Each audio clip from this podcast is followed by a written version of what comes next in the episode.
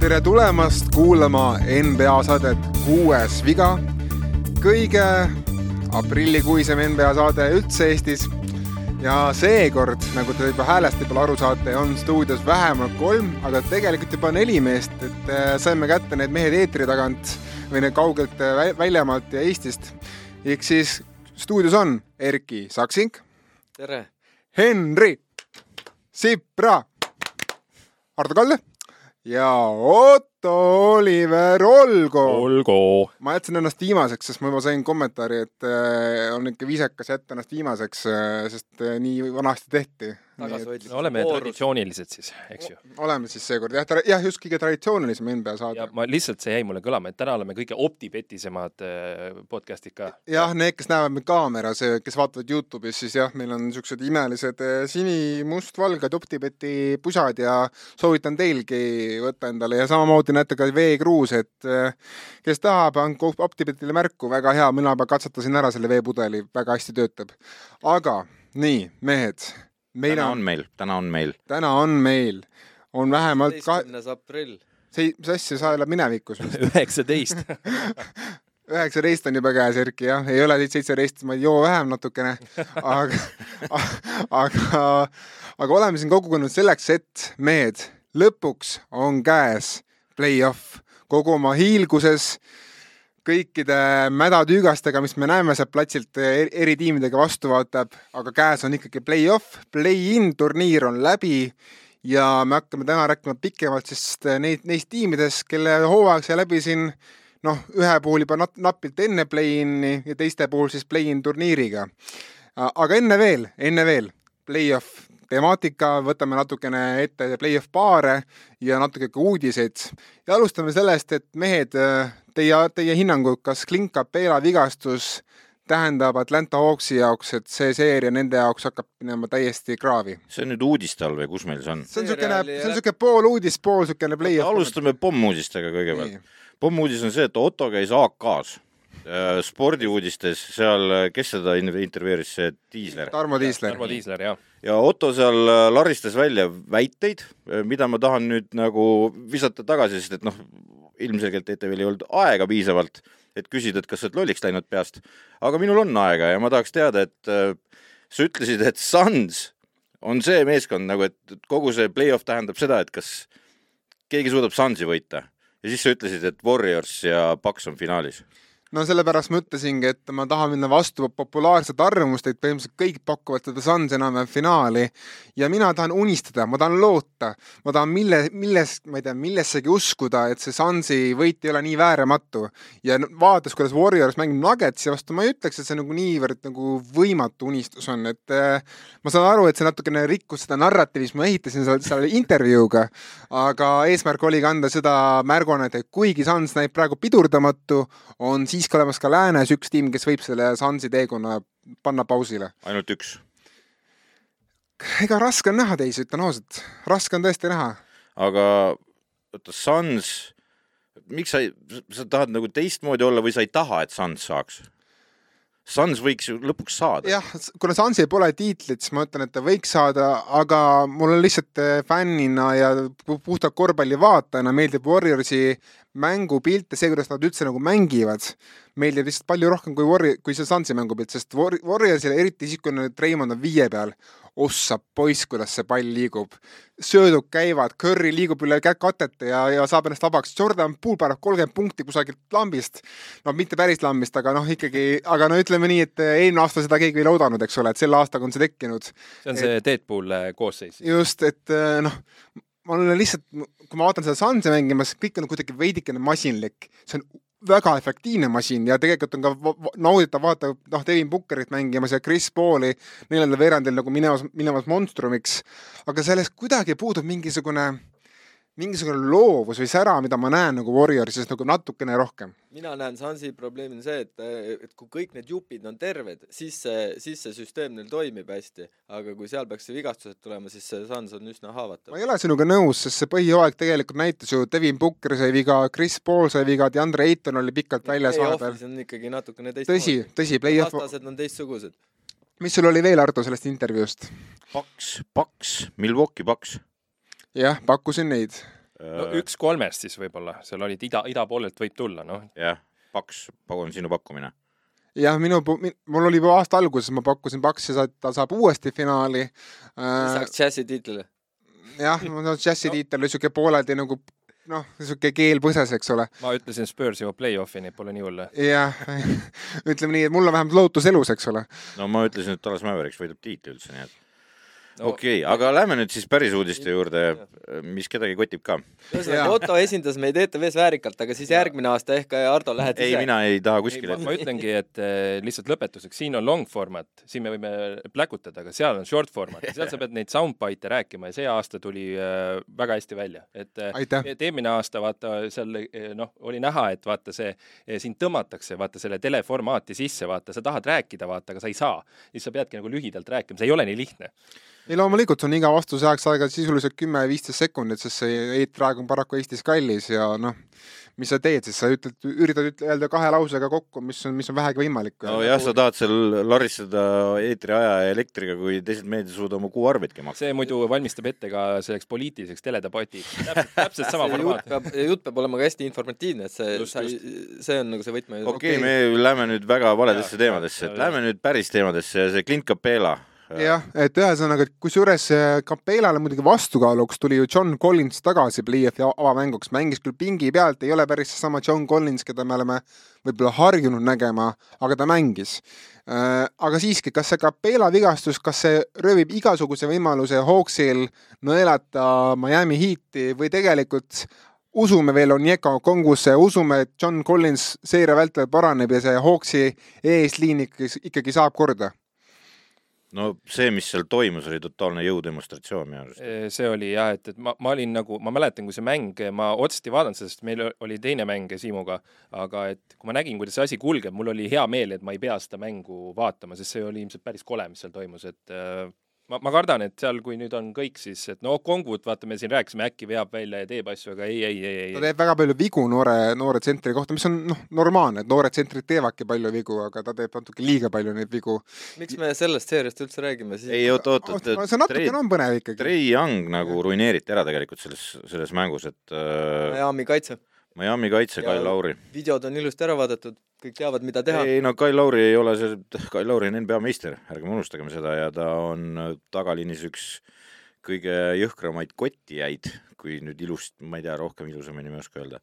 Ta on siukse kõige vastikumaid tagamehi, kelle vastu mängida. ta on selline põkk, põkk tagamees ka, et äh, ta on nagu ütleme, Eesti, ta on nagu see, see Sven Puganen. no tal on ahter Cardi B suurune selles mõttes. ei no tal on, tal on, teiseks on tal passis numbrid, mis äh, näitavad seda, kui palju ta vastastest on võimeline sellistes olukordades üle olema.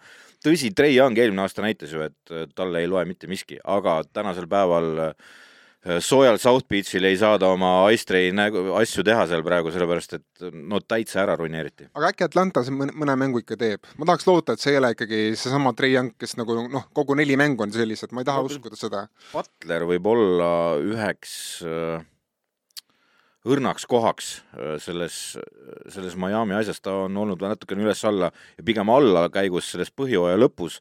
eks nüüd paistab nagu, mis sealt, mis sealt saab siis. No nad, ma arvan, et see juhtub Atlantas kui üldse kuskil, et Torontos on väga raske, seal on väga hea publik ka, et, et see no ma ise loodan seda, et äkki Korgui Dieng saab mingid minutid, sest tal on olemas kolmene, et võib-olla kui ta, kui sa võtad selle Adebayo tuleb natukene välja sealt alt, äkki läheb lihtsamaks mäng, sest Kongu ei viska kaugelt, et äkki läheb natukene lihtsamaks no aga noh, lihtsamaks ma ei usu, sellepärast et Miami teab, mis neid äh, seal, noh, nad vaatavad ju ka mänge teiseks. Ja küll nad teavad, mis neid seal teises ringis ees ootaks ja nad tahavad võimalikult ruttu selle Atlantaga ühele poole saada, ehk siis nad töötavad kõik need neli esimest mängu väga rasket tööd teevad ise ka, et äh, tõmmata sellest seirest ruttu läbi ja anda natukene hingamispausi iseendale ja, ja tegeleda uue vastase vaatamisega. Lähme edasi. enne veel, see Atlanta ju- jutu lõpuks, et Trey, Youngile ikkagi see Lavri pitseps ei meeldi ja neli-null ja tahavad suvepuhkusele ära, et see on no Erki ennustus on meil olemas, Erki muidugi, mis su seis on muidu ma OpTibetis? täna just panin meile gruppi, ma, me jõuame sinna. okei okay,, las ta, ma lihtsalt tahtsin natukene siin visata soola su laava peale, aga aasta kaitsemängija valiti ka NBA-s ära siis põhihooaja kaitsemängija ja selleks on Boston Celticsi tagamängija Markus Smart. ja ma pean, pean ütlema, et kuigi see ei tulnud üllatusena, et juba viimased kuu aega on seda Smarti haibitud siia söögi alla ja peale NBA Ameerika noh, meedias eriti, siis natukene mulle tundub, et Boston tegi väga eduka PR-kampaania Smartile, et mina ei, ma natuke pettusin NBA-s, et see oli kuidagi nagu PR-kampaania tulemus, mitte niivõrd aut-, autentne valik. ma ei olnud pettunud, ma olin üllatunud, sellepärast et NBA-s traditsiooniliselt tagamees ei saa seda auhinda. Smart oli esimene pärast Gary Paytonit üheksakümnendatel, jah ja,? Payton ise andis üle ka, väga mõnus oli. et äh, ma pigem olen positiivselt üllatunud, et, et see ei saa niimoodi tegelikult olla, et ainult suured mehed saavad neid auhindasid, sellepärast et taga teevad ka päris mitmed mehed väga head tööd, mis ei tähenda, et kuradi Patrick Beverlyle peaks selle auhinna kunagi andma. aga, aga sellegipoolest nagu ma mina ei tea, mulle Markus Mart meeldib iseenesest. ei ja..., sümpaatne mees, aga selles mõttes ma ütlen, et minu, minu arust ja see on lihtsalt puhtalt minu hinnang, on juba Bostonis juba endas kaks tiimis kaks paremat kaitsjat, ehk siis ma ütleksin, et Robert Williams ja Jason Tate on minu arust ka parem kaitse, kui seda on Markus Smart. aga noh, see on niisugune maitse küsimus. seal on see orkestreerimise küsimus ka ja Smart on ikkagi nende kaitse orkestreerija seal ja, ja see, selle meeskonna tuhh ja kogu selle kaitsetuhh, mis seal on et see on tema peale ehitatud, see, tema teab, mida ta teeb ja kui sa räägid NBA-s nagu erinevate mängijatega ja kui keegi küsib, kuidas kellegi vastu mängida on, siis, siis seal vastikuste edetabelites on Smart nagu üsna üleval ja alati.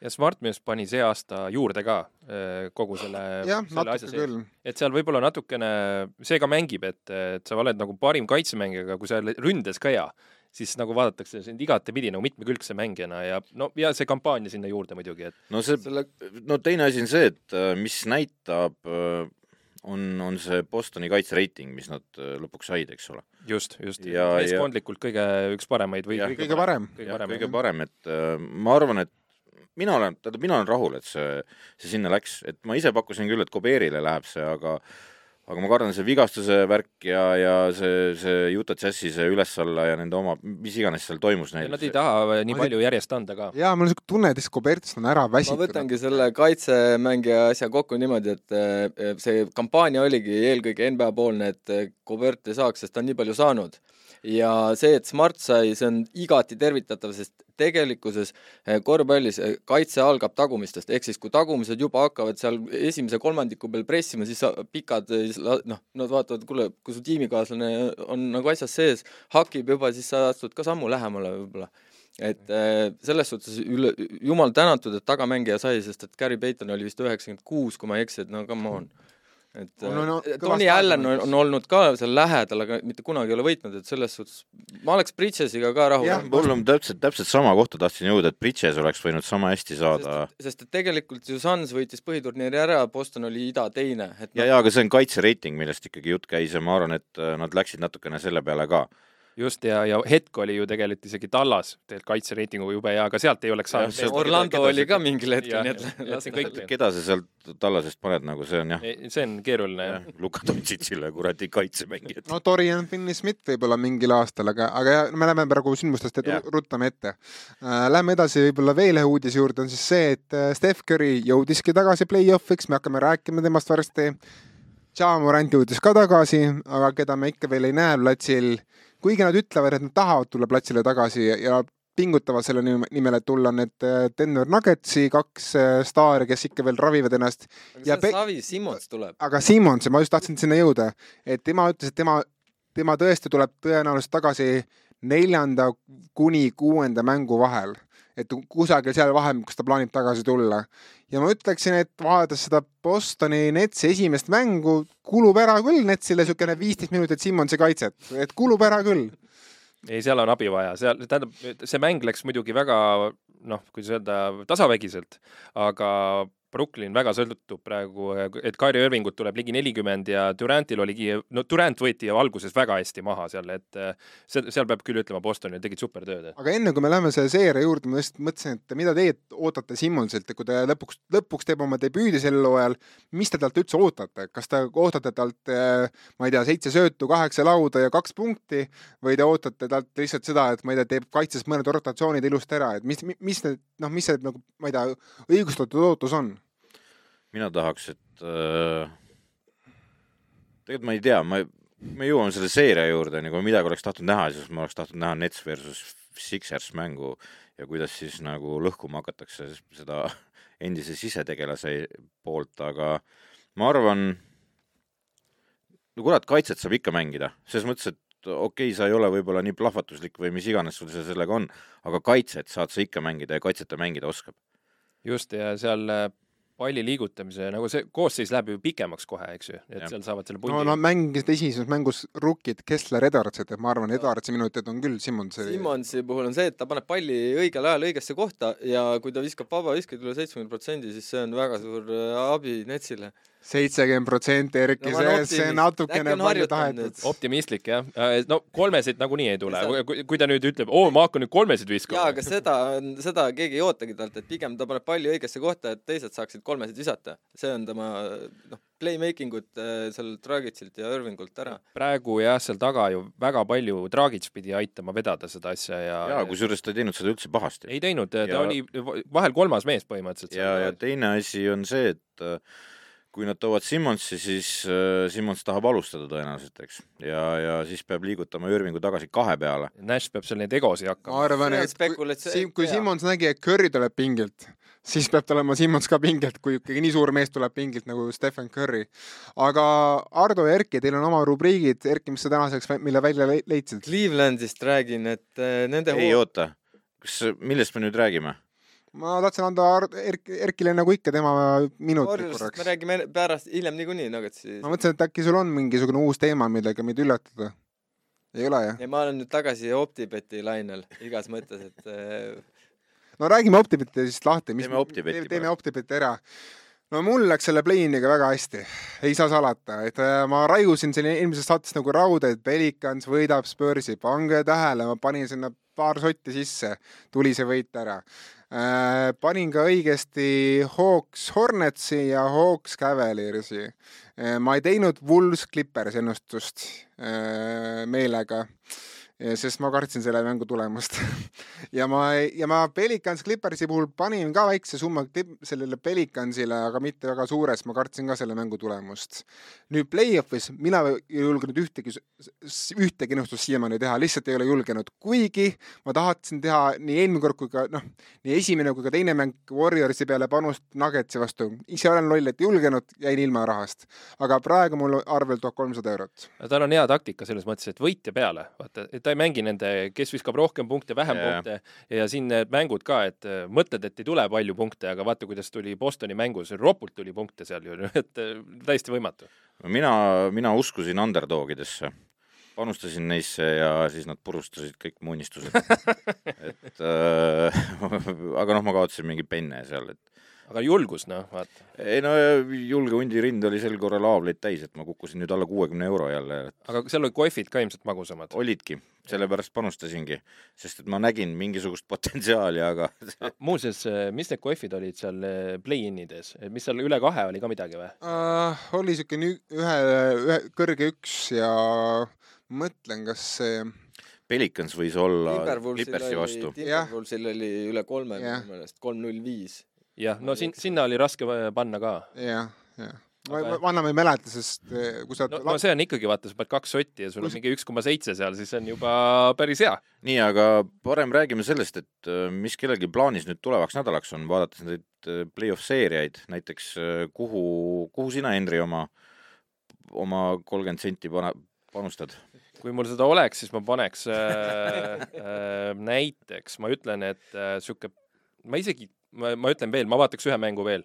Et äh, siin näiteks võtad selle Bostoni seeria, no seal võimatu midagi vaadata äh,. Golden State'i seeria äh,, okei okay,, mul tuli hea mõte, et kui tuleb neid mängijaid tagasi, vaata, siis vaatad seda momenti, et see Coif ei arvesta seda mängija liitumist näiteks, no Simmons tuleb tagasi mingil hetkel, aga noh, veel mitte ilmselt, et neid momente vaadata, aga muidu on ikka noh, kas usu, kui tuleb uudis, et Simmons kindlasti tuleb tagasi, küll nad juba arvestavad seal need Just, kõrged just. matemaatikud ma sel, siin äh, muid, muid äh, häid äh, nõuandeid pigem kuulake Ottot ja sealt tuleb kindel, kindel ei no mina näen, mina näen praegu näiteks, et minu variant on selles samas Miami seerias lihtsalt kehva koefitsiendiga Atlanta poolt mingit penni nagu korjata. no ma näitasin Ja- sulle ja-, ma näitasin sulle enne saadet. Erkil on jah mingisugune kummaline tabel kaasas, kus kõik on võitjad, aga selles mõttes ma järgmine saade saan su, selge, selge. ja teine, teine variant on, ma ütleks äh,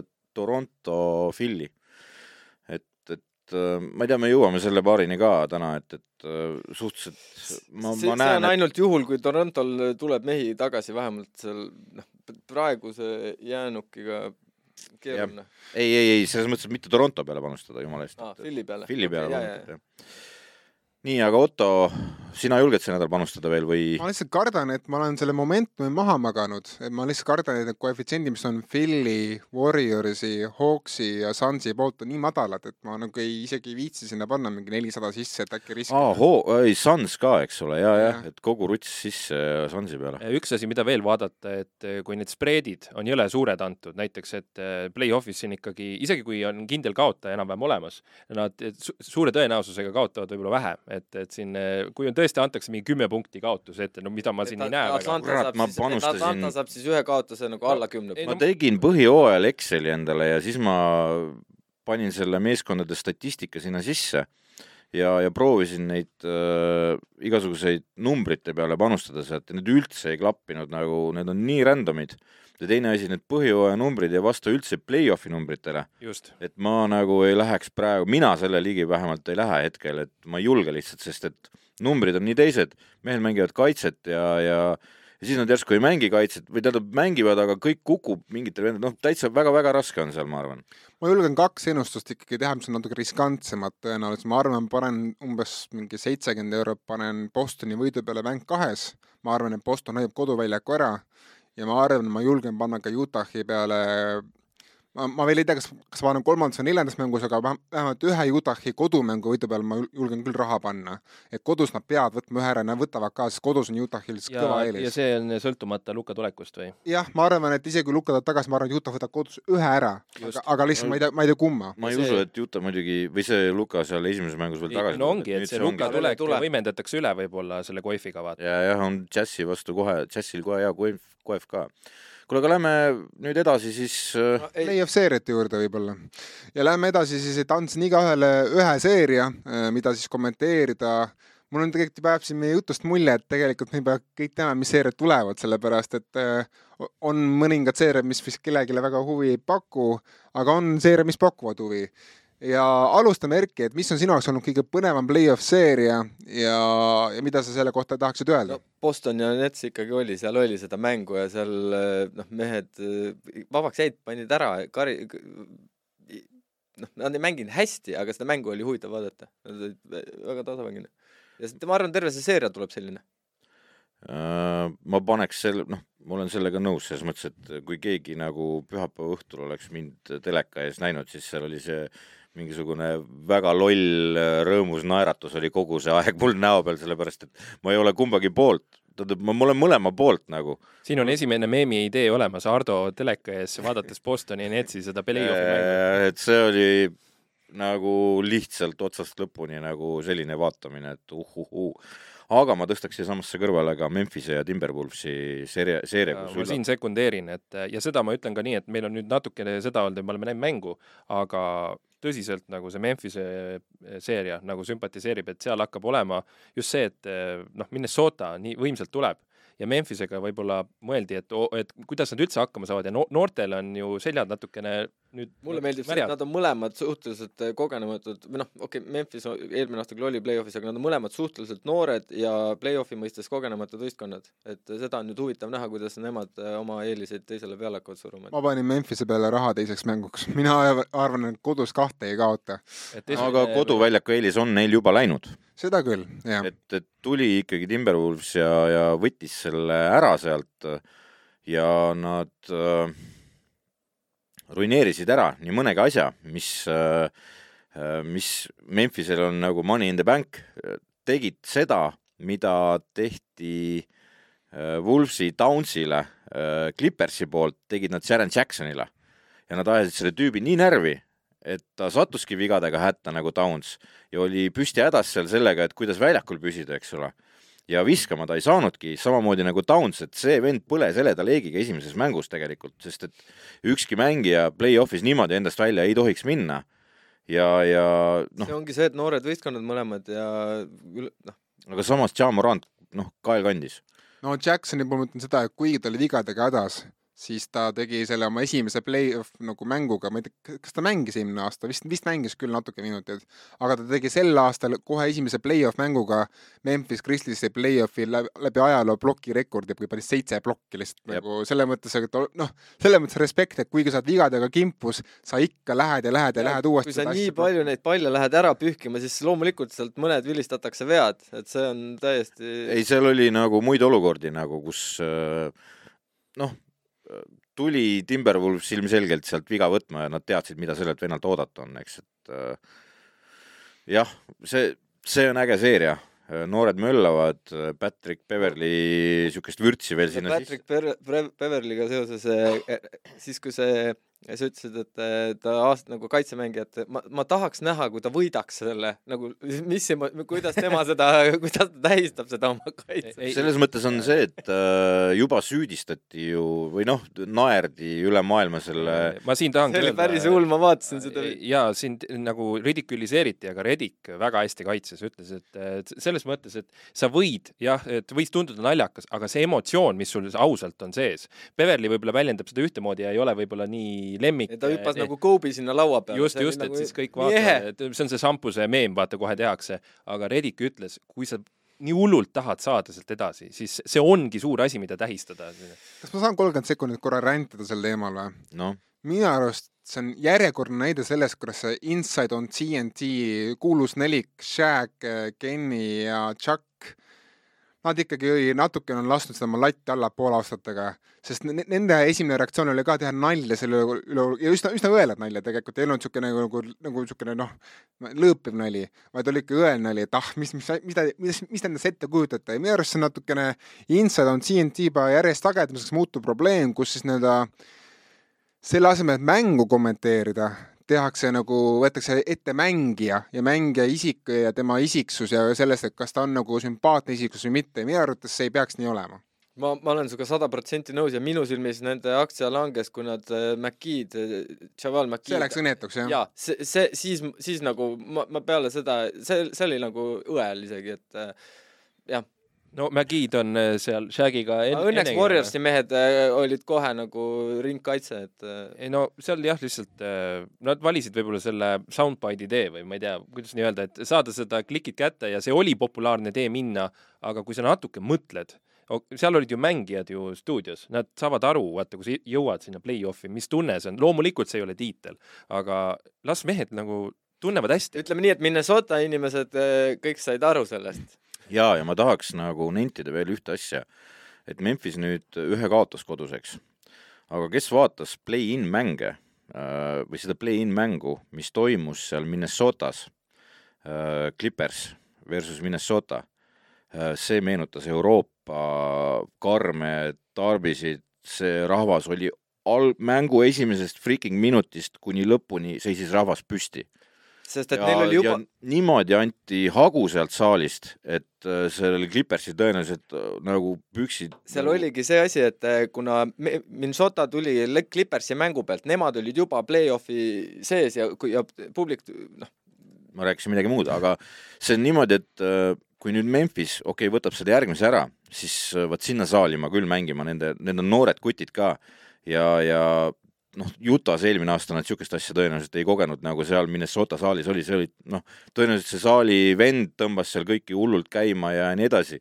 praegu küll Memphises oli see, see nali, ma arvan, seal läheb niisuguseks kättemaksuks selle nalja eest, mida nad tegid seal äh, Memphises selle, äh, selle Wolvesiga. see, kus nad müdistasid ja mängisid wrestlingut selle, selle Wolvesi maskotiga, nagu hävitasid selle seal suure lava peal et äh, neid äh, narratiive tekib praegu Kamaluga, vaata seal ju vist Jokic saeti kurjaks siin viimane mäng ja siin päris tuliseid selliseid asju hakkab tulema. no selle Euroopa asjaga ma just tahan öelda seda, et kui sa oled, kui su tiim on olnud play-off'is kahekümne aasta jooksul, mis ta on nüüd praegu kolmas kord või siis ma arvan, et siis on, ongi fännidel ikkagi väga õigustatud ootus ja õigustatud elamus. kaks tuhat kaheksateist olid, kaks, kaheksateist, üheksateist olid enne seda oli kaks tuhat neli, nii jah et, et ja ja kaks no tuhat neli nad jõudsid väga kaugele. jah, aga seekord, see viimane kord, kui nad olid, siis ega neil hästi ei läinud. ja, ja sa hoiad, lihtsalt su süda hakkab tuksuma, kus on hea see fänniarmee, näiteks Toronto, kui ta võitis tiitli, ma tahtsin selle rahva pärast, et nad selle tiitli võidaks.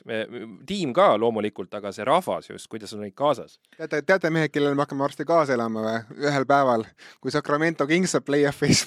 jaa, oo see Sacramento rahvas paneb veel siukse peo püsti. just, just, just, just. ma arvan, et võib arvestada sellega, et see võib olla esi, esimene viimane kord viiekümneks aastaks, et eh, kasutame selle võimaluse ära, et panna pidu.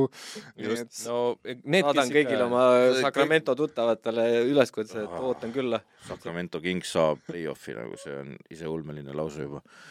aga oota, ma tahtsin veel rääkida natuke sellest Soundsist, et eh, tegelikult on mitmed Memphise fännid öelnud ja ajakirjanikud ka on öelnud, et et see Sounds on ikkagi Memphise jaoks üks kõige ebamugavam vastaseid üldse, sest Sounds on nii hea viskaja, et eh, kõik Steven Adamsi tugevused on eh, vähemalt osaliselt neutraliseeritud. ja, ja ja see, ja see paistis esimene mäng silma küll, et Sounds on kiirem, ta on jõulisem kui Ad-, no mitte jõulisem, aga ta on kiirem kui Adams. ja see oli täpselt seesama, me rääkisime ka sellest omavahel, see on niimoodi, et saates, ei mitte eelmises saates, Erki, okei. püsi lainel, selles mõttes, et äh, see oli siis see, et äh, alati paremalt poolt, parema käe pealt äh, samm, sest et Adams lasi korra ja kohe plahvatas sealt, eks ole, ärgem unustagem, Downs on selle hooaja kolme punkti meister. ja, ja tahab kõigi aegade parim olla. ja, jah, ja teine asi on see, et parema käe pealt esimese sammuga Adams pidi ligi minema, sest et ta ei saanud lasta sealt kolmese tagant enam nagu visata. esimese sammuga paremalt ümber ja, ja siis oli juba häda majas, sest Adams ei jõua nii kiiresti keerata ja, ja tulla see jalg ei vea nii kiirelt järgi. ja siis tekkis seal palju-palju oli- olukordi kohe korvi all, igasuguseid variante. söödunurgud kohe ülekaal. sest et äh, neil on vaja tõenäoliselt liigutada seal nüüd natukene mehi ja mõelda, kas äh, Jackson peaks olema see mees, kes tegelikult tegeleb Downsiga ja, ja nii edasi, et no Brandon Clarki roll tõen-, tõuseb tõenäoliselt. Clark oli hea, aga ta ei ole noh, selline level. teine asi, ta rünnakul ei aita nii palju, sest et äh, Down või see Adams teeb neil rünnakul selle kolme sekundi ala lagedaks. Jacksonil ei ole nii palju musklit kui Downsil, et see on jälle vastupidi. no seal on võimalus sul igasuguseid asju teha, aga tal käteulatus ja kõik see on see, et äh, ta, ta noh, ta suudab jalaga kaasa. välja, ta läheb ka välja kaasa. ja, jah, ma tahan kiita ka Anthony Edwardsit, sul on esimene play-off mäng, esimene play-off mäng üldse ja sa paned siukse show püsti ja seda veel Ja Moranti vastu. Ma ütlen, et see Edwards Morant duell nagu noort, kui noorte staaride vastasseis, mõlemal on väga äge isikupära, mõlemal on siuke X-faktor natuke olemas ka, ma ütleksin. et see tuleb väga vägev siuke lahing. seal on nüüd see point, mina hooaja keskel ei olnud rahul selle Edwardsiga, sellepärast et ta otsustavatel hetkedel vajus täitsa nagu peitu ära, ei julgenud olla, siis pidi Russell kandma seal ja nii edasi. aga nüüd play-in'is juba ja, ja nüüd ka siis esimeses play-off'i mängus Edwards äh,, kurat, arvad, nagu vaadates seda, kuidas NBA see kaamerameeskond ka seda üles ehitas, siis jäi siuke mulje, et see on Edwardsi meeskond vaikselt juba, mitte no, no, mul on hea meel, et ma sügisest saati olen Edwardsi fänn ja Edwardsit äh, igati kiitnud, nii et äh, nüüd, nüüd siis on tibude lugemise aeg. Igatahes Memphisel on selg vastu seina, neil on võita kohustus, Woolsil pole mitte midagi kaotada, ainult võita, nii et vaatame, kuidas see seeria läheb. ma võtaksin veel ühe põneva seeria ette, ma ütleksin, et äh, tegelikult on põnev seeria, ma ütleks Jazz Mavericks, sellest võib tulla veel väga, väga põnev seeria. ja see on sellepärast, et nii nagu ma arvasingi, see, et Lukat ei ole, ei tähenda, et Mavericks on kuidagi nõrk tiim. Nad on ikkagi väga hea kaitsega tiim ja nad on, kusjuures ka statistika näitab seda, et kui see meeskond mängib Bransoniga ja ilma Lukata, siis neil on nagu plussnäitajad ikkagi mit-, mitmes kategoorias. et äh, ei ole see tiim üldse ilma Lukata hambutu ja nad näitasid seda teises mängus ja noh, kuigi Jazz oleks võinud seal visata umbes kakskümmend kolmest rohkem, siis äh, hea küll, praegu läheb seeria tagasi Utah'isse üks-üks seis ja tegelikult ma arvan, Mavs saab olla ka õnnelik ja ka Utah saab olla õnnelik, mõlemad peavad olema õnnelikud mingis mõttes. et kui oleks Utah saanud kaks-null tappa Tallases ilma Lukata, vaat siis oleks kuri majas, et vähemalt üks saadi kätte. no seal on niimoodi, et see noh, kõik hingavad sellest taktis, et millal tuleb Luka, millal tuleb Luka, eks ole. Aga mänge on vaja mängida vahepeal ja, ja nüüd nad mängisid ja, ja tegelikult ega see esimene mäng ei olnud ka ikkagi, see oli ju ikka paras rabelemine. kuuega kaotasid ainult ju. ja, ja ei, see oli lõpu peale, see viimane minut oli see, mis otsustas seal midagi. ja teine asi on see, et äh, ärgem unustagem, Tallas, kus kohas asus kaitsereitingus öö, möödunud hooajal ja, ja seda ka ilma Borsingiseta. ehk siis öö, tagamehed olid need, kes kaitse selle reitingu üles tõmbasid. ja sealt sinu kolmene, kuhu see kadus, eks ole, nende tagaliini kaitse tegelikult on päris hea. ja noh, Luka on üks kehvemaid lülisid kogu selles kaitse, selles värgis seal neil. muidugi play-off'is Luka teeb teisi asju ka, eks ole, et noh, temaga on raske seal sees müdistada, suur keha ja nii edasi. ja klaviatuuri Warriorid vaigistati ära, kes Cleveri tegid esimese mänguga maha, Bransoni tegid ka esimese mänguga maha, et me peame ära treidima. no Bransonil sellist kontserti ilmselt selles seerias rohkem ei lasta teha. ah,. sa oled nagu see, pessimist, noh. jah, selles mõttes, et ei no vaata nüüd ilusti, mis see Branson on teinud ikkagi hooaja jooksul. see Semiskar annab sulle vastu pead. Ma usun ikka- Prants on tegi oma karjääri punktirekordi, ma sellepärast ma usun olen, usun Erkiga Utah kaitsesse 41 ka, punkti. eriti kodus ja see, nelikümmend üks punkti on pöörane muidugi, aga ma ei näe põhjust, miks ta kolmkümmend viis ei võiks panna. et äh, teine, noh, okei okay., Kleber ei, ei pane, ei pane. kakskümmend viis või mis ta pani, eks, et, et seda ei kogu aeg ei juhtu. ei no kakskümmend viis ta võib panna, aga ta ei pane. kolmesed üksteist kaheksa. jah, et see, seda, seda vast ei juhtu, aga kuueteistkümnest kaheksa võib küll panna. no see on see Tallase fännide juba läbi hooaegade olnud, et see hirm, et kolmesed on, kolmest ei ole, eks ju. jah, mida, mida seal nüüd box-score'ist näiteks välja võiks lugeda, on see, et Dinvidi on see koht, kus saaks juurde panna rünnakul.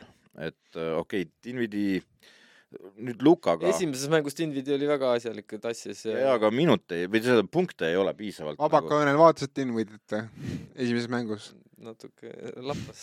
aga samas enne, eelmise, enne mängud eh, olid ju päris head jälle ei Dinvid. muidugi jah, ma lihtsalt natukene narrisin Dinvidit. et äh, Dinvidi, mul on tunne, et ta on Lukaga parem kui Bransoniga. Et äh, Luka loob Dinvidile rohkem. ja samas siin ei saa ära unustada, et ta tuli poole hooaja pealt, eks ju, et see, ei ole nii palju tegelikult. kuulge mehed, räägime džässimestest ka, et eh, noh, kus on džässil ju ruumi juurde panna, Mike Conley, selles mõttes, et esimese kahe mänguga kokku vist, mis tal on, kümme punkti või, või viisteist punkti, et selles mõttes Mike Conley pealt on kõva varu veel olemas. Bogdanovitši pealt eriti pole varu, ma ta ütleks on, ük-, ta on üks väheseid olnud, kes on säranud mõlemas. mängus nagu. no sest tegelikult et esimeses äh, oli see Utah nagu alguse mõõn, eks ole, ja seda üksi Bojan ju tassis seal. et ja. Jah. keegi teine ei teinud midagi. no teise poole võttis Mitchell üle, eks Jah. ole. et Mitchell tegelikult ka on oma noh, mingil tasemel ära teinud, et ta ei ole nagu ikkagi jäänud täiesti varju ja Gobert, see esimene mäng, Gobert sai ühe viske väljakult ja ma ütlen, et see on kõige dominantsem esitus üldse mehe poolt, kes saab ainult ühe viske kogu mängu peale, et et see, kuidas ta mängu kontrollis esimeses mängus, noh, kaitset, lauda, kõike kontrollis no respekt Rudi eest, aga nüüd palun, palun Mike Conley, palun Royce O'Neill, palun Donovan, kõik, kes te olete, andke poisile palli, no andke natukenegi rohkem palli. kas sa selle kriitikaga oled nõus, et äh, see viimane mäng oleks pidanud Kuberi välja võtma lihtsalt? ei, ei, keda sa, keda sa asemele paned sealt? ei, selles mõttes, et äh, ta lihtsalt nagu liidus edasi-tagasi oli natukene eksinud kohati. et see Kleber äh, eksitas ta ära, talle tehti Clippersit põhimõtteliselt. talle tehti Clipperised, aga see kõik algas sellest, et Conley, Mitchell, Bojan ja Royce kõik lasid oma mehed läbi. Et mitte keegi neist ei jäänud oma mehe ette, ainukene, kes jäi oma mehe ette perimeetril, oli House ja ma arvan, et House'i minutid nüüd hakkavad tõusma selles seerias kindlasti selle tõttu. aga kõik ülejäänud mehed, no palun, ma ei tea, võtke enda mingi au ja uhkus kokku ja te, te peate ikkagi jääma kaitses oma mehe ette natukenegi rohkem no.. Utah varianti ma näengi selles, et kui nad nüüd kodus suudavad mängutempot paremini kontrollida ja Gobert on ikkagi nii palju oma positsioonil üle ta ja siis, siis see seeria läheb pikaks ja, ja Utah kodus no.. alustame sellest, et Conn enam ei tohiks Bransoniga mängida, et ühesõnaga see match-up unustage ära, Jazz, pange House äh, suurem, väiksema Bransoni peale, House'il on kiirus küll ja Conley jäägu, ma ei tea, Tin või jätku Bullocki peale, ärgu jät-, Bransoni peale on täiesti, see on enesetapp, see on enesetapp lihtsalt. see ka, et tegelikult kui nüüd võtta paberi peal, panna Utah versus see praegune, praegune Mavericks ilma Lukata, siis noh, OpTibetis peaks olema koefitsiendid ikka huumor džässi kasuks ja, ja, ja nii edasi, et, et see tegelikult ei tohiks, see peaks olema walk in the park. no Jazz, kes eelmine hooaeg pani ju põhihooaja kinni, no ja hooaja pole vennad, et ja, ja aga ma ütlen, et see noh, paberi peal peaks olema džässi jaoks see walk in the park nagu, et see ja millegipärast on nad ikka kurat üsna hädas selle. lisaks on veel see, et statistiliselt ju play-off'is Tallasel minevikku ei soosi tema soosi, noh, neil ei ole, nad ei ole play-off seeriaid võitnud. no millal viimati Tallas sai esimeses raundis edasi?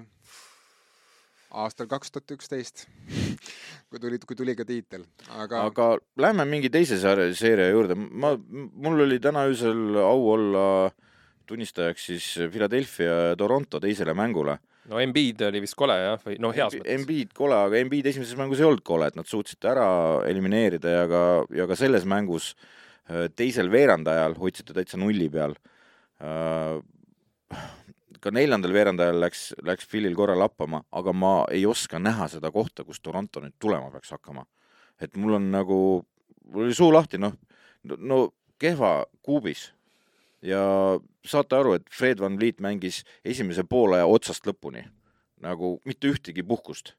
mees ainult mängis ja siis on see, et algus pani kolmesed ära, pauh, pauh, pauh.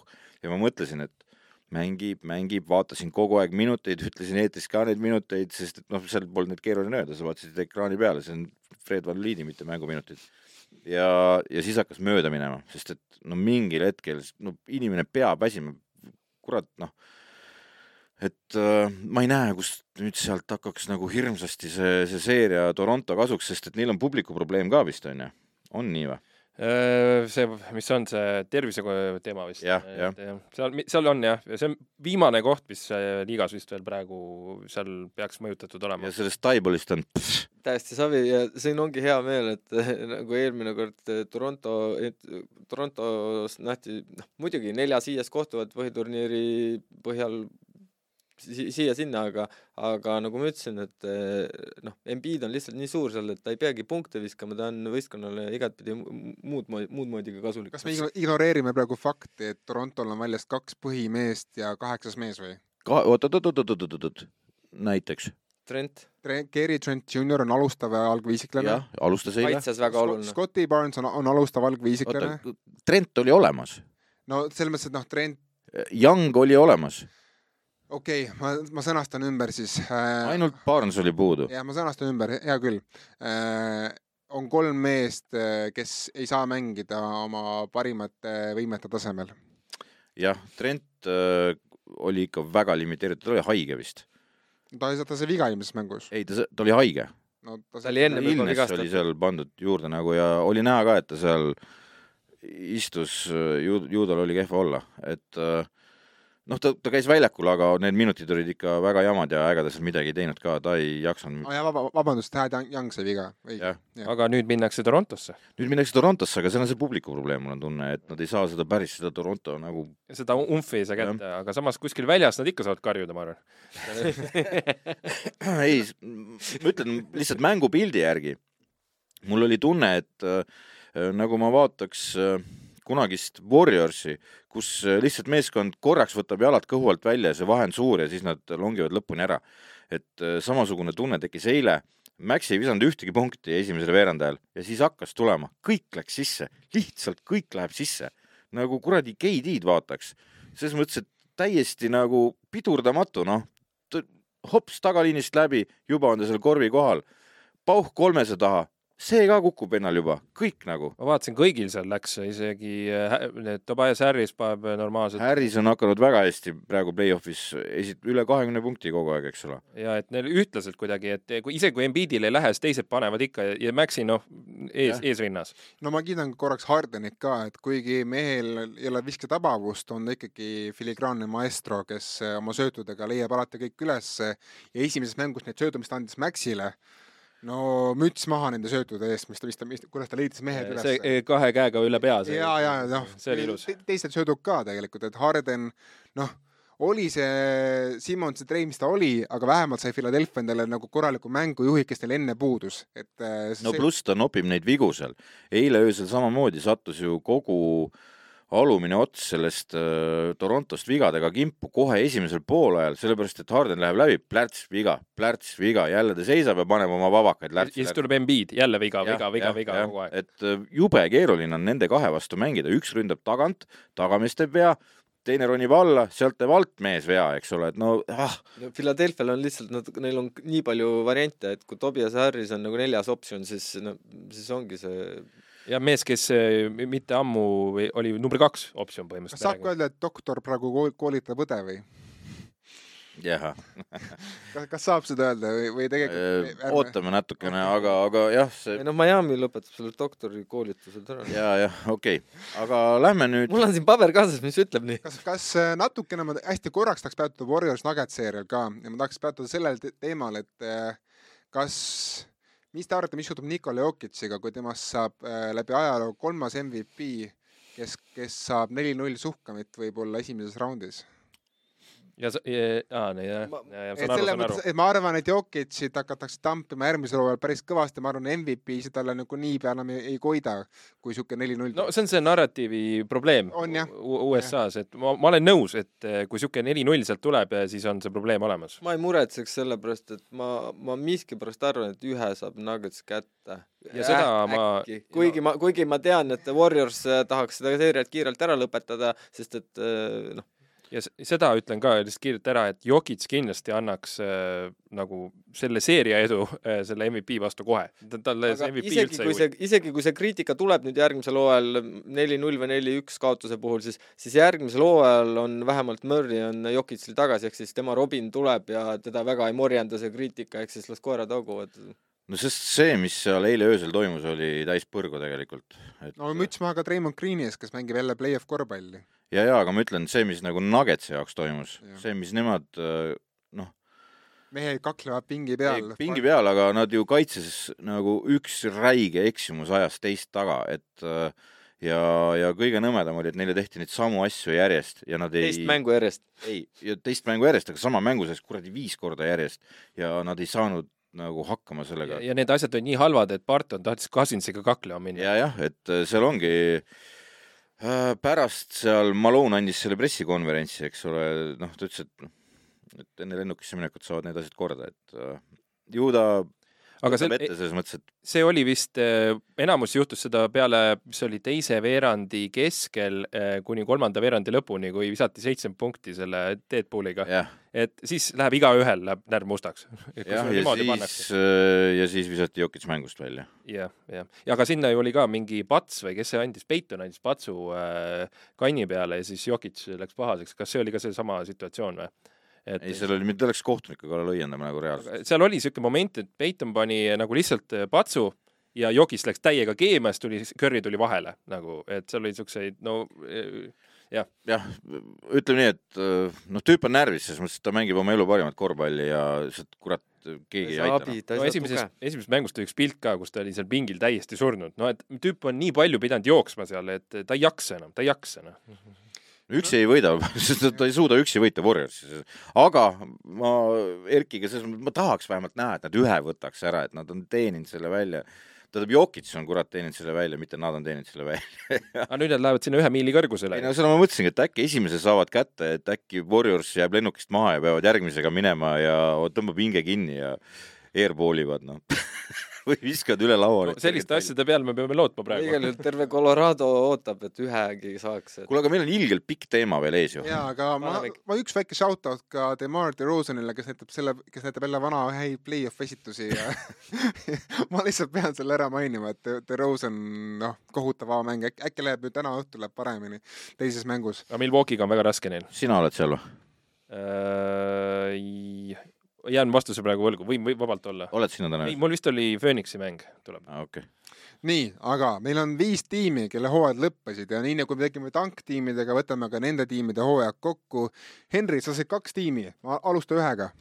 Äh, nii, mõtleme siis Clippersi näiteks, et Clippersi hooaeg äh, kukkusid, eks ju, välja, aga kokkuvõttes äh, kõike arvestades, nad tegid selle hooaja, mis neil oli vaja.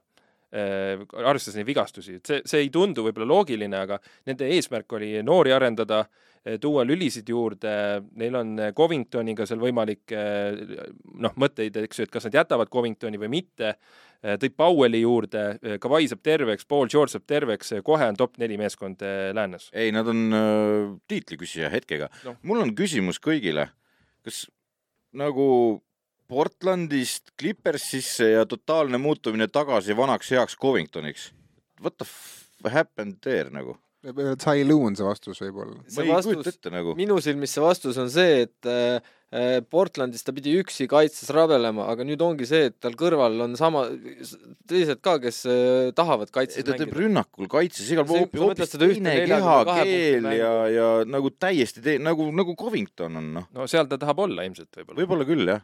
Et seal on see motivärk nagu. muidugi noortega seoses ma mõtlesin seda, et noh, ma ei tea, kas mäng, kas näiteks Terence Mann tegi nii suure arenguhüppe tegelikult? no oleks võinud juurde panna, aga, ta, aga ta tegi panna. eelmine aasta jällegi. ja Asaya Hartensteiniga on Clippersil keeruline, kuigi mees tegi suure sammu edasi, siis ta on sel suvel on kas piiratud vabagent või nii-öelda ta noh, täiesti täielik vabagent, et ma kardan. talle ilmselt postkasti tuleb nii mõnigi üsna hea pakkumine. et ma kardan, et Hartenstein on tõesti ei jaksa nagu endale pidada, kui Powell teenib kakskümmend miljonit ja need Kawhi ja George teenivad nelikümmend miljonit, kahe, noh, mõlemad, eks ole.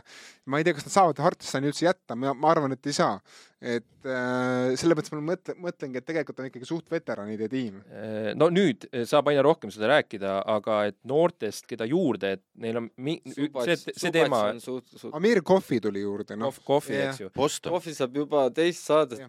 just, ja, ja seal ongi see, et Äh, mida neil, kui see draft'i kohti neid arvestada, vist üks neil läheb kohe sinna Oklahomasse, aga kaheteistkümnes valik, juhuu. aga et kui nad mingi back-up viie näiteks äh, leiaks juurde, et neil on see viie küsimus, nad nagu lahendasid ära, aga et nad saavad sinna midagi veel mõelda või pikkadega nagu mängida. see Brandon Boston on, see näitas hooaja sees näitas väga head minekut, kui ta just, tuli, eks ole, et see võib olla üks kutte, kes, kes neil on hästi käes praegu. ja neil on ropult ääri, kellega nad saavad vahetusi teha ja need mehed on nõutud, et no see Covingtoni üks näide, eks ju. Powell, Batum, Morris, Kennard, no äär on kõvasti. et nad võivad seal ühe mehega rahaks teha nii-öelda. see Kennardi raha muidugi koormab neid päris palju.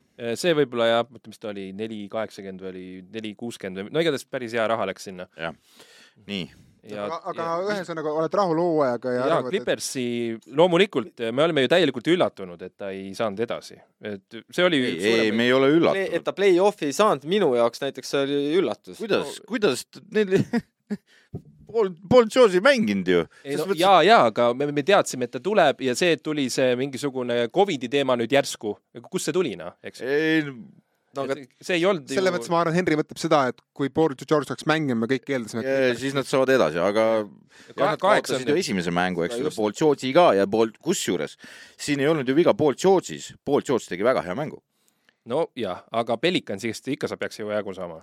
Äh, ilma Paul George'ita. Paul George'i ka.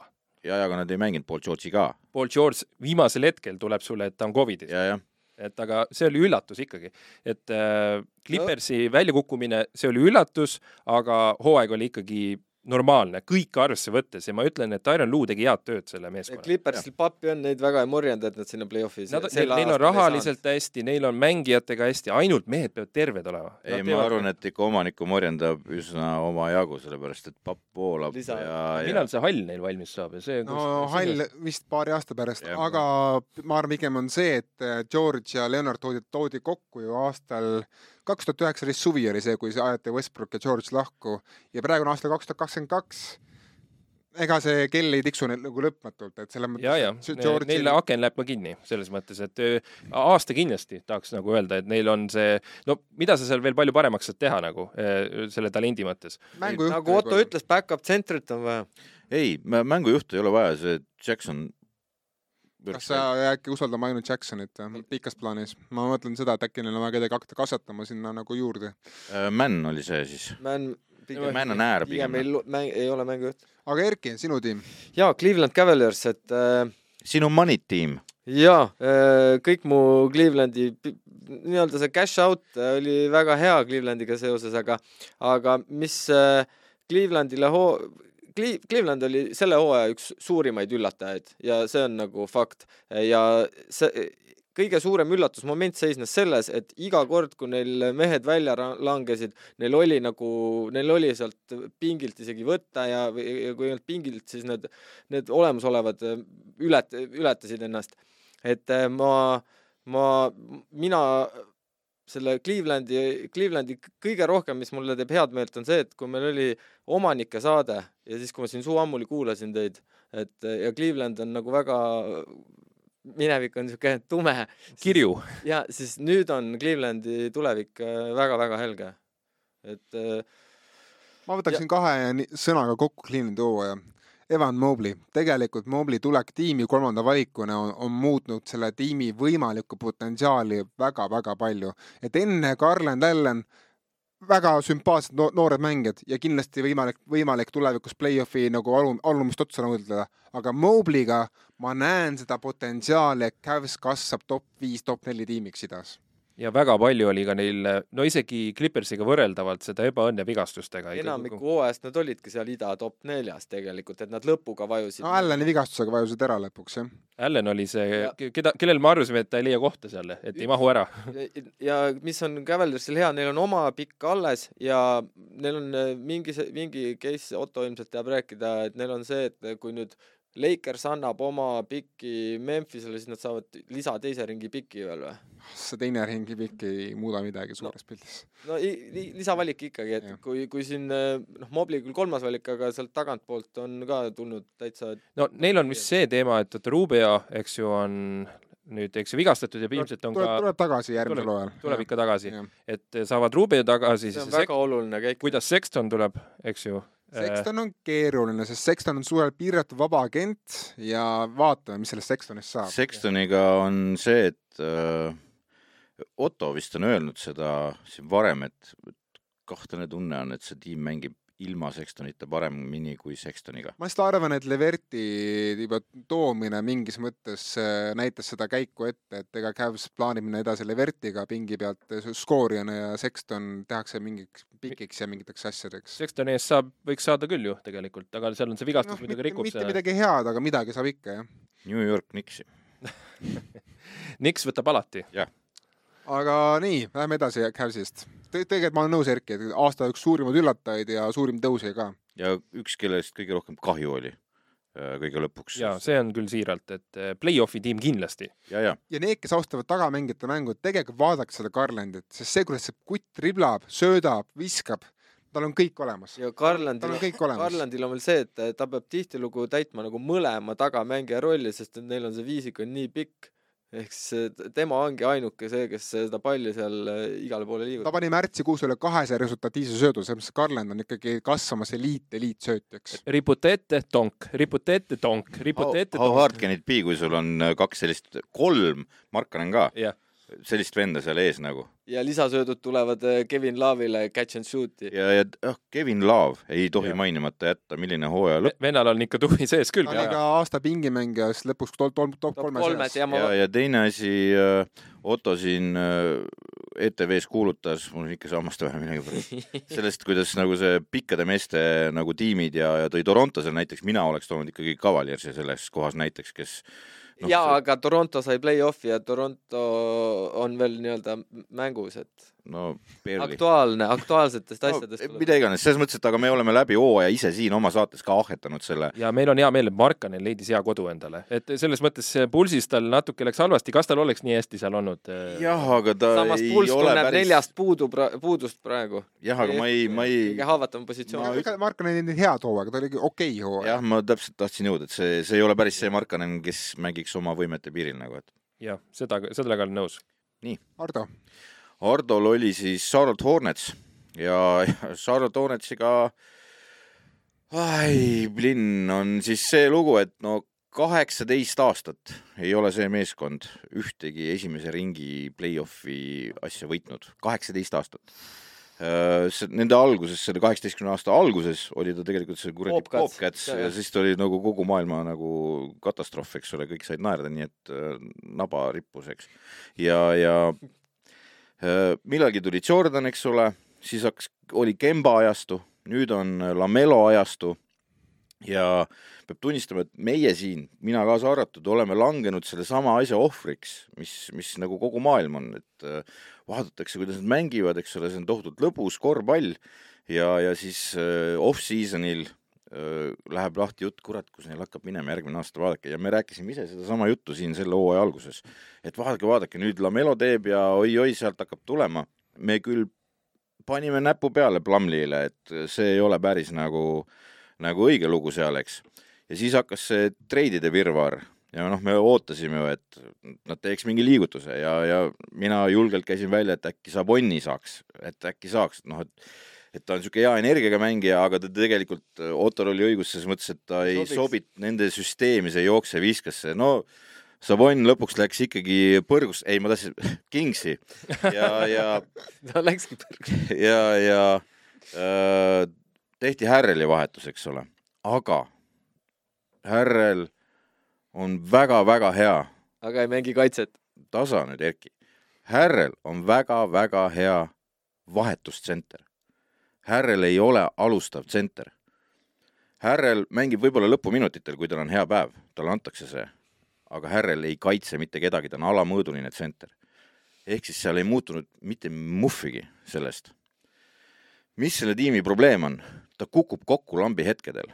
Nad ei mängi kaitset, nad loodavad puruks visata kõik öö, korvid, aga nad kukuvad kokku lihtsalt, neil on halb päev, mitte midagi sisse ei lähe ja neid halbu päevi on kuradi palju neil. Ja nüüd on nagu Jordanile, kes ei ole, olgem ausad, hea omanik olnud tegelikult. selles suhtes õigus, jah, okei okay,, see on väikse marketi tiim, eks ole. Jordan on ka vaene omanik võrreldes teiste jah, rikkuritega. tal on ainult üks koma üheksa miljardit. tunneme kaasa. jah, kahju sinust, kahju sinust, Maicel, kohe. ta peab nagu saama oma mehed, tema oma staarid peab see mees saama vahetustega draftist, kust iganes. Free agent'it, eriti kuradi Hornetsisse, mis on kogu aeg fail inud, ei ole võimalik saada nagu. ja nüüd on Jordanile tegelikult kommuuni poolt tulnud päris tugev surve et sa pead midagi tegema, see jama peab ära lõppema, kaua võib nagu. et äh, tegelikult on potentsiaali, suure potentsiaaliga noored mängijad neil ja, ja midagi peab seal juhtuma. ja nüüd on äh, omanik sattunud siis surve alla ja, ja on hakatud ringi vaatama ja ka Ameerika meedias on seda, seda kajastatud, et, et seal midagi hakkab juhtuma. kuhu siis vaadatud on, sinna tiimi sisse, et noh, Borrego on üks jutt sellest, et noh, et see saab hundipassi ja värki, aga see ei paranda seda olukorda nende see on see lihtne tee minna, ja, eks jah, et oh, laseme kohtu, selle treeneri lahti ja kõik on kohe parem, ei ole kohe parem, ei ole, ole. sest et seal on, probleem on sügavamal, eks, et seal selles, selles kuradi koondises on see probleem, neil on vaja teistsuguseid mehi. Ja neil on vaja keskmängijat, eks ole. nii, aga nüüd ma toon siis näiteks, mis, mis meedias sosistatakse sellest siis, et mis see tee on ja mõnel mehel võib lõug vastu maad kukkuda selle peale, mis sosistatakse ja millel võib tõepõhi tegelikult all olla. esiteks, kes ära peaks minema? Neil on kaks vastikut lepingut, on Terry Rozier ja on Gordon Hayward, kellel on pikad ja väga kallid lepingud. Räägitakse sellest, et juba praegu käivad äh, vaiksed so- sosinad, et nad panevad kokku paketti, et äh, emb-kumb neist või mõlemad. ja tuuakse asemele Jordani üks suuri lemmikuid. Te teate, kes see on? ma tahtsin sellest rääkida, ma enne, okei, okei, aga räägi ise, räägi ise sa ära tead,. kes see on ju? ma igaks juhuks ei ütle. no Dwayne Brown see ei ole, ei ütleme ole nii. tegu on härra Russell freaking Westbrookiga. Sest et nende kahe mehe palga peale saab tekitada selle, et nad saavad ta sealt Lakersist kätte. no Lakers võtaks ta selle kohe vastu. Lakers võtaks selle kohe vastu. kõige naljakam on selle loo juures see, et äh, ta sobib sellesse süsteemi, mida nad praegu mängivad, mis on vale, noh, see ei toimi, vaata, nad on aast-, aastaid mänginud seda. Russell Westbrook teab, kuidas seda mängida. ja Russell Westbrook oleks järjekordne, kes tuleb, jookseb ja viskab ja siis kaitset ei mängi, jälle Russell jookseb. mängib kaitset ka kusjuures seal. ei, no nii hästi ei mängi, et temast midagi kasu oleks selles kõiges, aga ta sobib sellesse süsteemi tõepoolest. ja siis minu küsimus on, aga keskmängija, teil on keskmängijat vaja, interior defense, kus see on nagu, pluss sealt keskelt peab keegi nagu ehitama ka rünnakul midagi, eks ole, ja no Plumlee on ju loodusõnnetus selles, eks, et äh, te toote Westbrooki ja siis on minu küsimus, aga, aga väike pool, kes siis palli hoiab? et ähm, ma ei saa sellest aru, aga ma tean, et selles suunas toimetatakse seal tänasel päeval. ja see no, võib särke, juhtuda. särke saaks müüa, noh. ei no s- nad, nad müüvad seda pooli särki, ma arvan, väga hästi. Äh, teine asi, nüüd, nüüd ma toon siis pöörase teooria on teile äh, iseenda peast, et mis ei ole Ameerika meedias ja ei jõua sinna mitte kunagi tõenäoliselt.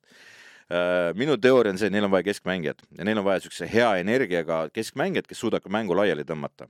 eilse uudise valguses võin ma öelda, et äh, äkki noh, Ameerikas on tõsi, neil on keskmängijat vaja ja selles on kriis seal, neil ei ole seda lihtsalt kuskilt võtta, ei ole NBA-s normaalseid vabu keskmänge, keskmängija hind on kõrge ja nii edasi. tean, kuhu ta siib, jah, nüüd, nüüd teab Erki, kuhu ma siin. ma tean, kuhu Jah. ta siib. et äh, aeg oleks draft ida endale Mattias Tass, ma arvan. noh, ta miks, sobiks miks, mitte, sobiks. sobiks, sobiks, sobiks, sobiks. aga noh, sa mõtled siis nagu äh, Plumlist ettepoole või Plumli taha? ju ta kõigepealt pannakse pingi peale, aga mingil ma hetkel tõmban siin natuke tuure maha, et Charlotte mängib väga edukalt äh, small ball viie peal Washingtoniga, et see tsentri probleem äh, pigem on see, et nad tahavad lahti saada nendest kahest lepingust. enne tassi võiks korraks panna mängu eelmise, eelmise aasta drafti üheksateistkümnes pikk Kai Jones, kes on kaks kolmteist pikk ja üliatleetlik koll. enne tassi võiks proovida Jalen McDanielsit, kes on, kes saab mängida small ball viite natukene. enne tassi võiks proovida seal veel mehi. Seal on James Booknight sul pingil, kes on kaheteistkümnes valik, lihtsalt passib sul seal pingi peale ja ei, ei, ei, tee mitte- ei tee mitte midagi., ja erinevalt Ottost, mina olen muidugi eestlane ja neil on võimalik ka Kotsar osta, ma tahtsin selleni ka veel jõuda, et, et äh, see, noh, neil on vaata iva ka selles, et nad ei mängi kaitset ja nad lihtsalt ei mängi kaitset ja, ja mõlemal eestlasel on see nagu olemas. et Plumlee ka, noh, ta ei oska lihtsalt no,, lihtsalt see, see süsteem seal on vale. Ja ma tahan jõuda selleni, mida siin Otto on välja toonud mõned korrad enne, et jah, Charlotte, tal hakkab hästi minema, aga kellest ta siis paremini peaks hakkama mängima, kes sealt eest ära tuleb, kelle asemele läheb siis Charlotte nagu? Ja praegusest seisust, kui nad ei tee mingisuguseid väga noh, ütleme väga olulisi liigutusi selles meeskonnas ja ma ütlen ikka see suure algustähega väga olulisi liigutusi, siis ma ei näe, et nad mängiks ka järgmine aasta play-off'is. No üks suur liigutus oleks see, kui Gordon Hayward saaks lõpuks ometi mängida mingi täishooaja, aga noh, seda ei juhtu vist. Gordon Hayward ei olnud hea selles meeskonnas ikkagi, sa, sa pakkusid, tal tuleb nagu elu parim hooaeg, aga noh, see läks vigastuse nahka, aga, aga ega ta enne seda ka ei mänginud oma elu parimat hooaega. et Gordon Haywardi parimad hooajad jäävad ikkagi Utah Jazzi ja No. tema jalad on tänaseks läinud, et sealt äh, ei tule enam. sellest on väga kahju, et Gordon Haywardi piik oli ikka väga jõhker, no kuidas ta mängis ja, ja, ja noh, see, see üks. Nõme kuradi jalalumurd, eks. ja lihtsalt su karjäär, no see, see on traagiline, see on aga sport, lähme edasi. jah, et see on sport. aga ühe, ühe tiimi vist jõuame veel võtta. kaks tiimi, sul on ka üks tiim Jah. veel. aga jaa, ma, mina ei hakka seda Lakersi bash ima, mulle ei Lakers, aga ma ei, tead, nii palju me oleme seda Lakersit tampinud, et vii-, aitab küll ja noh, ma leidsin sellesama info nugget'i, mis Ardo leidis, et, et Westbrooki nüüd üritatakse seda Haywardi ja, ja Rozieri vastu vahetada viimased muidugi Sta-, Mark Steini raportid ütlevad, et ega see nii lihtne ei saa olema, et, et Hornets tahab ikkagi draft pick'i ka veel selle eest otsa ja tahab veel asju. rahaliselt ka ei klapi, isegi kui nad mõlemad annavad, siis, siis jääb ikkagi natukene Hornetsi kasuks sealt, et nad peavad, seal, see, see, see pakettide kokkupanek saab üsna keeruline Nad olema. saavad alati võtta mingi kolmanda Aga- tiimi, jaa, aga, aga me teame, et Jordanile meeldib Westbrook. Aga mida mina hakkan suve jooksul jälgima Lakersiga, ma soovitan ka teistele NBA jälgijatel seda teha, on lihtsalt see, et vaadake, vaadakem need sõnumid, mis tulevad GM-ilt, Rob Pelinkalt, vaadakem seda, kuidas käitub Genie Bass ja mis otsuseid eh, noh, Lakers on Hollywood, eks ole, ja Hollywoodis liiguvad sahinad ikkagi väga vabalt ringi. nii et ma arvan, et see ei ole, see ei ole mingi teema, et Lakersist ei tuleks neid sahinaid omajagu mingi tampering tuleb jälle, aga eh, noh, rahulikult. aga selles mõttes, et tänaseks on ikkagi seis selline, et alates aastast kaks tuhat kolmteist on Lakers saanud play-off'i kaks korda, ükskord tuli mullist see tiitel, aga see oli väga imelik keskkond, teinekord saadi tapa avaraundis, eks ole, Sunsi käest. kala mädaneb, see kala mädaneb peast ja ma arvan, et äh, seal on, on ees ootamas siuksed võimumängud nagu Game of Thronesilikud natukene. ja kui nagu ikkagi mängijad ütlevad ka, et ah, ma ei tea, mis see Belinka, et midagi, midagi räägib see Kurt Rambisel, tema naine räägib ka midagi, et noh, siis seal ikkagi asjad on natukene pahasti praegu. põhimõtteliselt samad teevad nagu Winning Time'i seal selles sarjas. egode probleemid ja. kogu aeg. et, äh, et Lakers peab oma juhtkonnas asjad äh, ära klaarima, kui seda ei juhtu, siis sorry, aga ma nagu näen, et Lakers on kinni siukses päris pikas mõõnaseisakus, et hea küll, võib-olla, võib-olla Lebron ja Davis on tervemad järgmine hooaeg. So what? Nad, nad siukse vana tiimi valemiga ei saa jätkata. no isegi kui nad võtavad G-liigast neid noori ja mingi draft'is võtavad ka mingi, ostavad draft'i valikut teises, teise raund, eks ole. So what, sa ainult Lebron ja Davisega ja ma, ma ei tea, äkki jätavad Malik Monki ka, sa ei jõua kaugemale kui play-off esimene raund, sa lihtsalt ei jõua. sinnagi kiire meenutus ka, kaks kõige vanemat tiimi olid ju see aasta, Nets ja Lakers, eks ju, ei olnud lihtne neil. ma küsiks siinkohal, et äh, kes on nagu selle Lakersi tulevik, kas Anthony Davis on see, kelle peale äh, ehitatakse ja, ja proovitakse tegelikult noh, mis selle, mis selle meeskonna probleem on, selle probleem on Lebron James, et äh, see mees on seal meeskonnas. Clevelandi. ma ei taha, ei taha. ei, selles mõttes, et küsimus on selles, et Lebron James tema järgi liigub kogu see meeskond seal, tema vanade jalgade aeglases tempos, tema käes on pall, istub seal ja kaitseta mängida ei viitsi, täiesti noh, null. ja Anthony Davis, ütleme ausalt, ega enne vigastust ta ka hästi ei mänginud.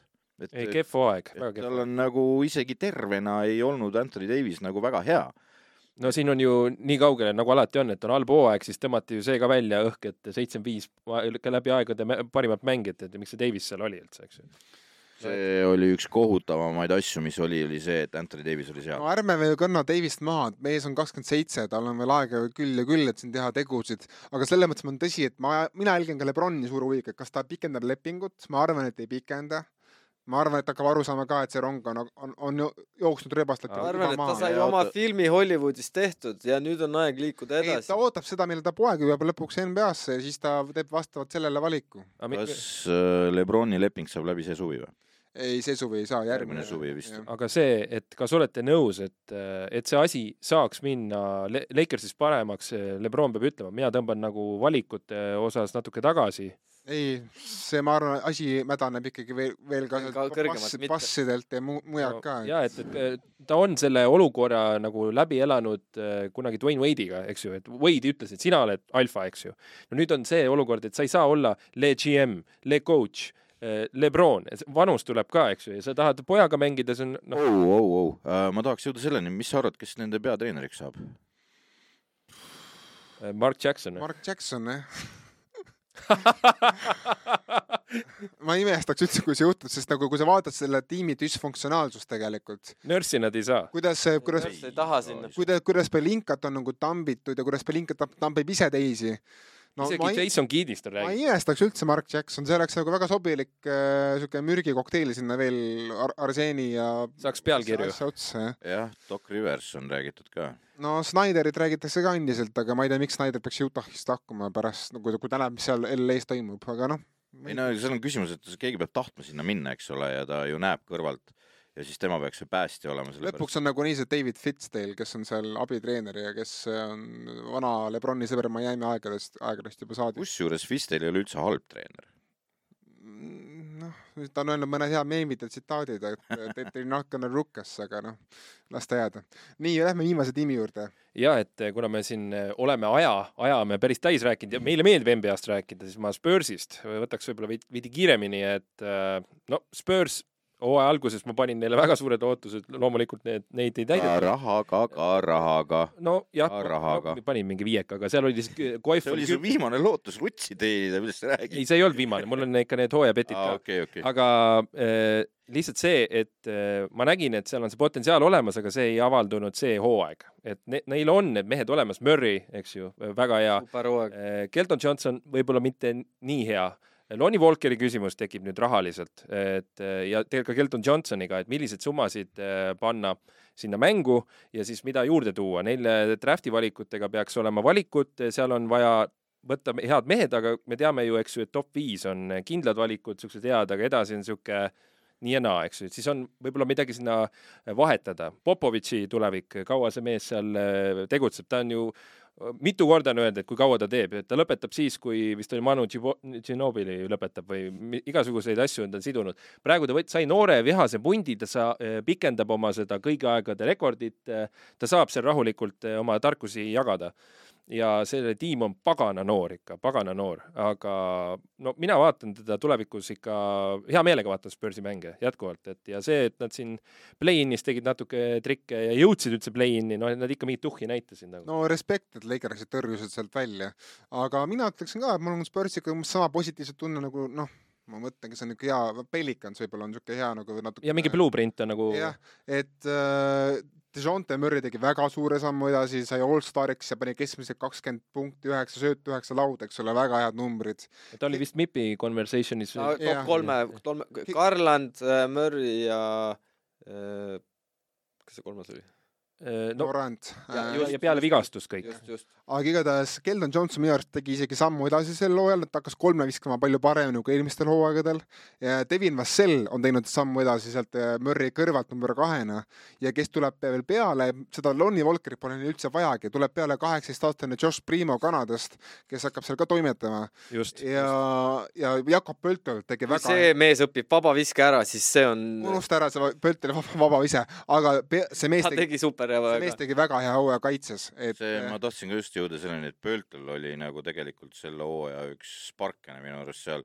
mina olin enda jaoks selle venna juba maha kandnud, ausalt öeldes, ma ei näinud küll, et kuskilt otsast ja Popsile sama siin, kui ma ta visketehnikat nägin. ja see ka, et mitte, et eh, ma ei tea tema tulevikku, aga et kihvt, et nad selle Landale'i sinna tõid äh, Austraaliast. aa jaa, Salgris. kihvt, kihvt sihuke toomine, aga kui sa seal vaatad edasi, et eh, Josh Richardson, eks ju, seal see Lonnie Walkeri teema, Romeo Langford, eks ju, toodi sealt Bostonist, et eh, seal siukseid kihvte poisse on, no Zack Collins, jah, et, et seal on kahtlasi mehi on küll, aga ma ütlen, et just see, just see Hedri just ütles, et nagu kihvte kutte ja siis ütles, et sa ütlesid selle peale no kahtlaseid need mehi, no need Langfordid ja sorry, ma Collinsid, noh, las ta jääda, aga Vassell ja Murry, kui te vaatate, panete need mehed nagu kõrvuti ja vaatate nende käte sirutust koos, mõlemal mehel on väga gigantsed käe, käe nagu see ulatused, et eh, Vassell Murry võib olla väga äge duo tulevikus. ma seda Keikoki väga ei mäleta, tema, kas tema üldse, ta oli ka vist Lakersist toodi sealt eh, sinna juurde, aga te- tema, tema vist, no jah, temaga kohta ma ei tea, et mis sealt, mis sealt ühesõnaga see on selline loksuvad nad mõnda aega seal play-in'idesse Spurs ja No, ja jah. siis äh, ütleme kaks-kolm aastat äh, anname neile aega ja siis nad hakkavad järjekordselt saab Spursist nagu iga-aastane kindel vastik play-off'i vastane. Neil on vaja, et eh, Murry kõrval Vassell kerkeks allstariks kindlasti. Neil on vaja ka seda, et Keldon Johnson teeks veel paar sammu edasi, ta ei saa edasi praegu tasemele pidama. Äh, praegu ta on jah, sihuke viisteist, kuusteist miljonit tüüp. küsimus on, et kuidas neil pikkidega on? Kõik on olemas, aga lihtsalt need pikid ei ole väga kõrged. jaa, aga Jokits on ka teise raundi pikk, et, et küll nad oskavad äh, valida ja teha. Neil see scouting on küll päris hea jah, et, et, et jah, ütle, ütleme nii, et eh, taevas on kõrge Nad ja said ju Manu Ginobili ka viiekümne seitsmendana, nii et äh, Spursi selles osas Murry ümber mina ehitaks küll, ütleme nii, et see on, see on hea poiss. nii, aga ongi tiimid käes ja kell on juba peaaegu üheksa, nii et, et, et saaks kõik õigel ajal koju, lõpetame selle saate praegu ära. aitäh, et kuulasite ja noh, vaatasid. vaadake, vaadake vaatasite ka, just, et ja, vaadake. ja kõige olulisem, subscribe'ige, näe, ma olen Erki sul mikri suhu praegu, et subscribe'ige äh,, kirjutage kuues viga, et gmail.com. jaa, asjalikud kirja, kõige as-, ühesõnaga minu joogipudel Optibeti oma läheb äh, kirjutajatele. no me kindlasti hakkame asju välja loosima. kes kes tahab, kes tahab, helistage mulle, kes tahab Erki pudelit endale. olgu, lehvitame nüüd ja lähme koju. ei, play-off'e